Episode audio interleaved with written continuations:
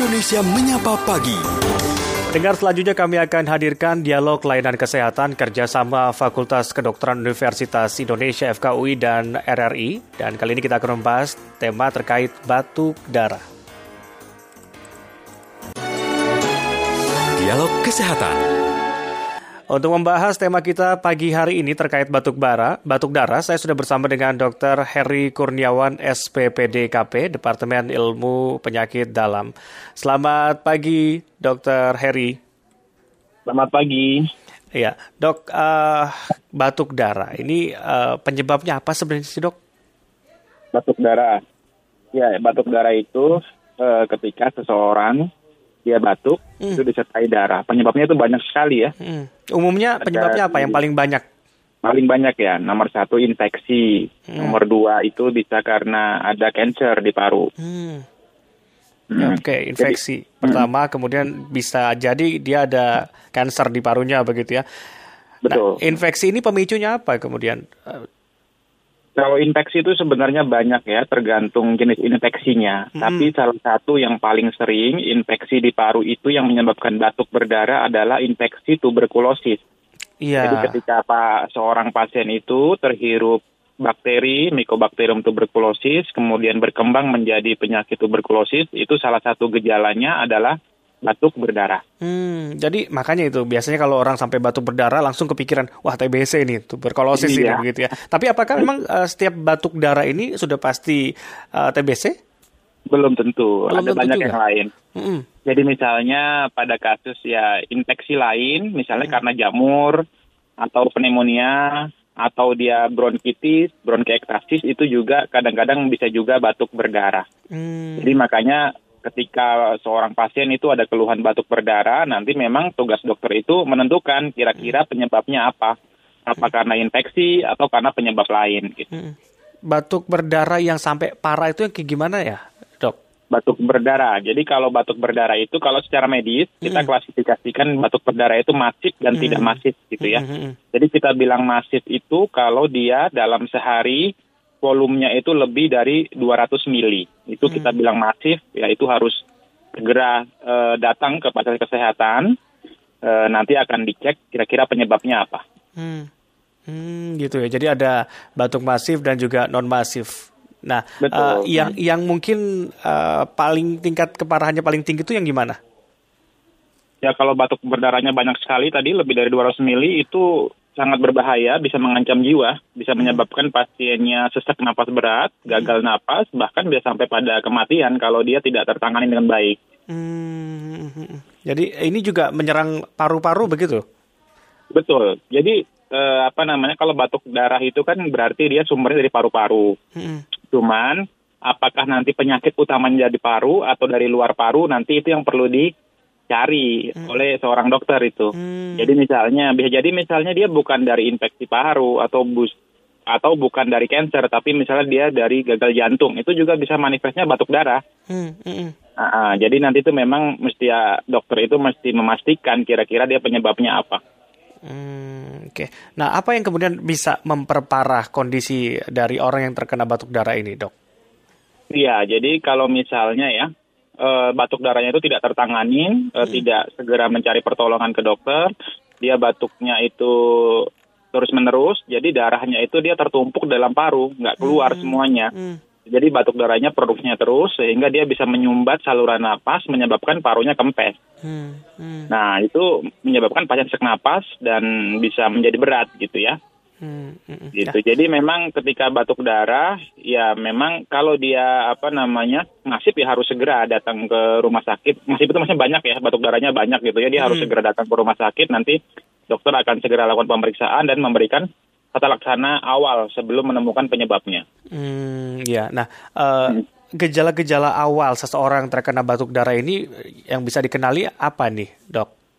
Nah ya, jadi uh, ini sebenarnya tergantung dari uh, apa namanya ya etiologinya atau penyebab dari batuk darahnya. Hmm. Tapi biasanya sih kalau misalnya infeksi TBC gitu ya, dia nggak ujuk-ujuk langsung tiba-tiba batuk darah biasanya. Hmm. Jadi biasanya dia uh, ada batuk-batuk kering terlebih dahulu gitu ya. Batuknya kronis selama lebih dari dua minggu, kemudian semakin hari batuknya semakin sering gitu ya. Hmm. Baru kemudian dia bisa muncul batuk darah. Hmm. Keluhan lain misalnya dia kalau TBC ya dia disertai dengan meriang-meriang gitu. Hmm. Nafsu makannya menurun, berat badannya menurun gitu. Jadi dia ketika ada batuk darah, berat badannya menurun gitu ya, hmm. ya, dia ada demam-demam. Nah, itu mesti dipikirkan ke arah infeksi tuberkulosis. Hmm, nah, nanti dokter akan lakukan pemeriksaan itu. Jadi dia dokter akan lakukan uh, pemeriksaan darah untuk melihat uh, sel darah merahnya, foto ronsen yeah. untuk melihat uh, ada kelainan tidak pada paru-parunya dan juga pemeriksaan dahak untuk memastikan uh, apakah ini ada infeksi tuberkulosis atau enggak gitu ya. Mm -hmm. Kalau dia misalnya penyebabnya cancer gitu ya. Yeah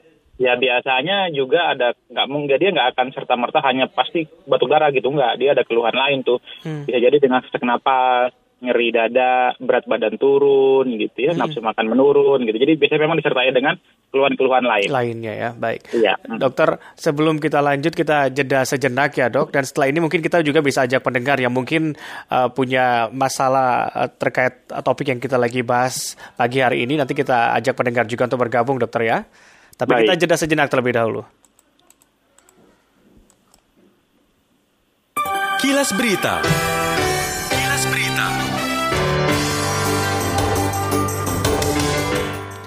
Penyidik Jaksa Agung Muda Tindak Pidana Khusus Jampitsus Kejaksaan Agung menerima dua anggota kelompok kerja Pokja proyek penyedia infrastruktur BTS 4G dan infrastruktur pendukungnya dalam penyidikan kasus korupsi dan TPPU BTS 4G Kominfo. Kepala Pusat Penerangan Hukum Kapus Penkum Kejaksaan Agung Ketut Sumedana mengungkapkan bahwa kedua saksi tersebut yakni dengan inisial DTJ dan DTP. Untuk informasi ini dan informasi lainnya dapat diakses di laman resmi kami rri.co.id. Kilas Berita Pro 3, Jaringan Berita Nasional. Ya, dokter masih bersama kami, dok. Ya. Iya. Dan kita sambil ajak pendengar juga, dokter ya, dokter Heri, kita ajak pendengar kalau mungkin juga punya keluhan yang sama terkait batuk darah ini, silakan pendengar Anda bisa sampaikan di line telepon kami di 021 3523172 0213844545 atau 0213866712. Nah, dokter tadi kan eh, dokter sampaikan ya ada gejala-gejala awal sebelum seseorang mungkin terkena uh, batuk darah tadi. Nah, uh, tapi ketika gejala-gejala itu sudah dirasakan gitu ya, Dok ya, yeah. apa yang hmm. harus segera dilakukan oleh uh, seseorang ini? Iya. Yeah. Jadi uh, ketika misalnya batuk gitu ya di awal hmm. sudah mulai batuk batuknya cenderung nggak sembuh-sembuh gitu ya sebaiknya harus segera datang ke dokter. Hmm. Nanti dokter akan lakukan pemeriksaan, akan melihat kira-kira penyebab batuknya dari mana, apakah dari paru atau dari luar paru gitu ya. Kemudian setelah itu kan nanti dokter akan melakukan pemeriksaan penunjang sederhana tadi gitu ya paling nggak dengan foto ronsen gitu karena itu sederhana kita bisa dengan cepat untuk melihat kira-kira ada problem nggak di paru atau di luar paru gitu. Hmm. Baik. Nah, tapi ada saran mungkin dok ya uh, kepada pendengar kita agar tidak terkena batuk darah ini apa yang harus dilakukan dok? Ya, hmm, jadi secara umum tentunya kita menjaga kesehatan diri kita gitu ya. Tadi kan salah satu penyebabnya yang paling sering itu adalah infeksi mm-hmm. tuberkulosis. Berarti kita harus mencegah agar tidak terkena infeksi tuberkulosis. Dengan apa gitu ya? Yang pertama tentunya dengan menjaga pola makan dan nutrisi yang baik ya. Hmm. Itu pasti untuk hampir semua ya untuk masalah penyakit ya. Hmm. Kemudian yang kedua, kita menjaga sistem imun tubuh kita dengan uh, apa namanya? berolahraga yang rutin. Hmm. Nomor tiga, uh, tentunya kalau penyakit tuberkulosis itu kan penularannya dari udara itu, Mas. Jadi yeah. ketika ada misalnya orang yang sakit tuberkulosis, dia nggak pakai masker dan dia batuk mungkin di sekitar kita kita kehirup itu kita bisa tertular tuberkulosis. Artinya apa? Berarti kita harus menghindari kontak uh, dengan penderita tuberkulosis aktif. Hmm. Ataupun kalau misalnya kita harus kontak gitu ya, ya berarti sebaiknya uh, penderita tuberkulosis itu harus pakai masker hmm. dan sebisa mungkin kita juga harus juga pakai masker gitu ya. Hmm. Hmm. Itu itu mungkin Mas untuk uh, ini uh, mencoba menghindari keluhan batuk darah dari tuberkulosis. Okay. Kalau dari batuk darah yang disebabkan karena cancer, hmm. ya cancer itu kan multifaktorial. Yeah. Multifaktorial artinya dia penyebabnya adalah kombinasi dari faktor genetik dan juga faktor lingkungan. Dan hmm. faktor lingkungan yang utama itu adalah merokok. Jadi hmm. kalau kita ingin menghindari batuk darah karena kanker berarti harus hindari rokok. Bukan hanya tidak merokok, tapi juga nggak boleh deket-deket sama orang yang merokok. Artinya kita juga nggak boleh jadi perokok pasif. Pasif gitu. ya. Iya betul. Hmm, jadi artinya uh, penyakit lain yang kemudian bisa berujung pada uh, batuk berdarah tadi ini yang harus dicegah ya langkah-langkah pencegahannya ya Betul.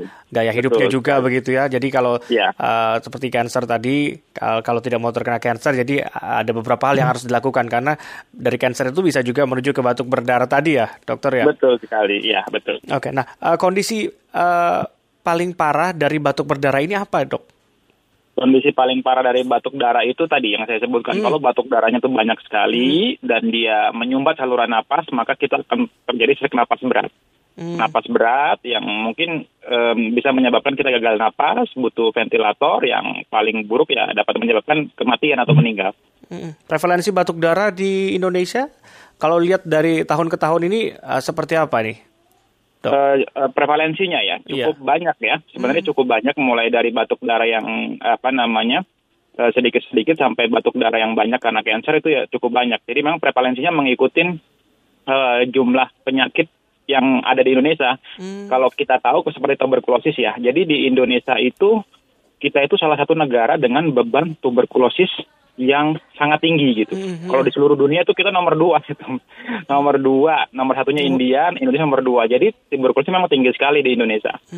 Oke. Kemudian kalau kita lihat dari penyakit-penyakit cancer, jumlah cancer paru juga kelihatannya semakin ke sini juga semakin banyak. Mm-mm. Sehingga memang eh, jumlah orang yang ada keluhan batuk darah ini ya semakin meningkat. Dan itu perlu kita waspadai. Hmm, ya ini TBC nomor dua, kemudian cancer juga ini lumayan parah kondisi di tanah air ini. Ini, ini Betul, uh, ya. penyebabnya apa sih, ini dok? Kalau melihat ini penyakit-penyakit terus uh, meningkat ini di tanah air. Iya, iya, ya. Kalau TBC kan karena kita memang negara tropis ya. Mm. negara tropis dan eh, apa namanya kita juga masih banyak lingkungan yang padat gitu ya karena tuberkulosis ini kan banyak eh, menyerang di lingkungan-lingkungan padat ya padat penduduk kemudian ya eh, padat tempat-tempat yang maaf nih dalam tanda kutip misalnya eh, nutrisinya kurang sehingga imunitas kurang gitu ya itu jadi eh, seperti itu itu meningkatkan resiko terjadinya tuberkulosis. Hmm. Dan memang di negara kita memang negara tropis ya memang banyak eh, penyakit-penyakit tuberkulosis gitu. Hmm, hmm. Kalau dari cancer saya pikir memang karena ya gaya hidup ya. Gaya hidup, Banyak ya. sekali merokok gitu ya. Radiasi dan lain-lain gitu ya. Hmm.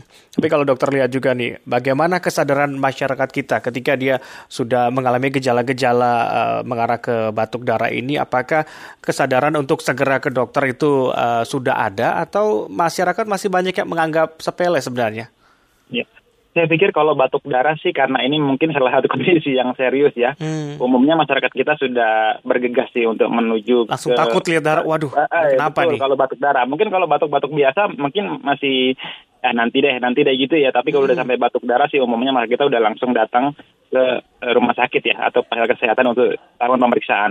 Namun mungkin eh, ini apa namanya kesadaran terhadap misalnya kalau sudah terinfeksi TBC itu kan sebaiknya kan pas penderita TBC itu harus pakai masker di mana pun gitu kan.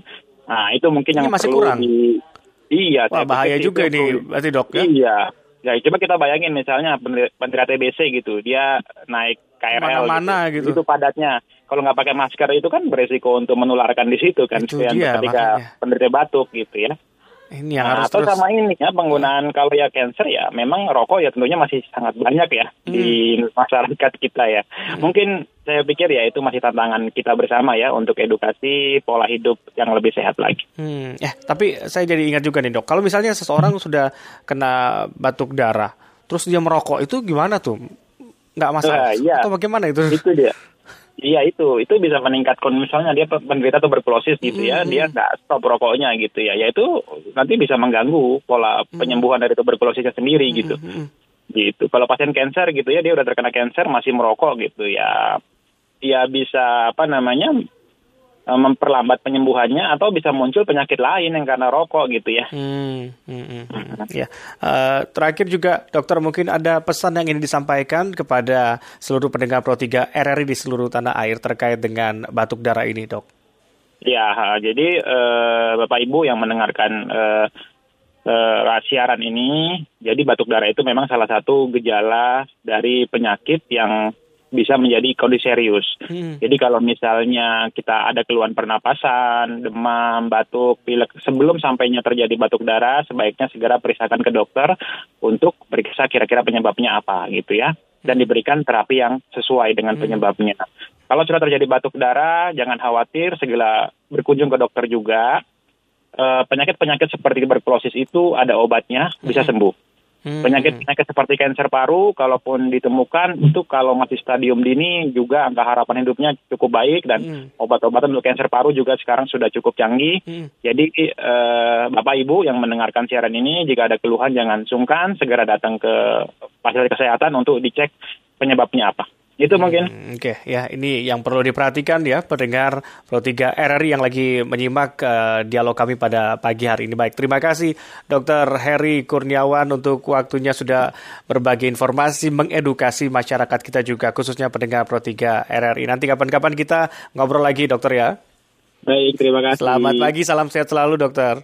Selamat pagi. Demikian pendengar, dialog lain kesehatan kerjasama FKUI dan RRI. Kita baru saja membahas terkait dengan batuk darah. Tadi ada beberapa eh, hal yang harus kita perhatikan ya, gejala-gejala awal yang juga harus segera kita konsultasikan dengan dokter untuk mencegah hal-hal yang uh, semakin membuat penyakit ini menjadi parah begitu untuk disegera ditangani begitu pendengar demikian tadi ya dengan Dr. Heri Kurniawan SPPD KP dari Departemen Ilmu Penyakit dalam FKUI. Dialog Kesehatan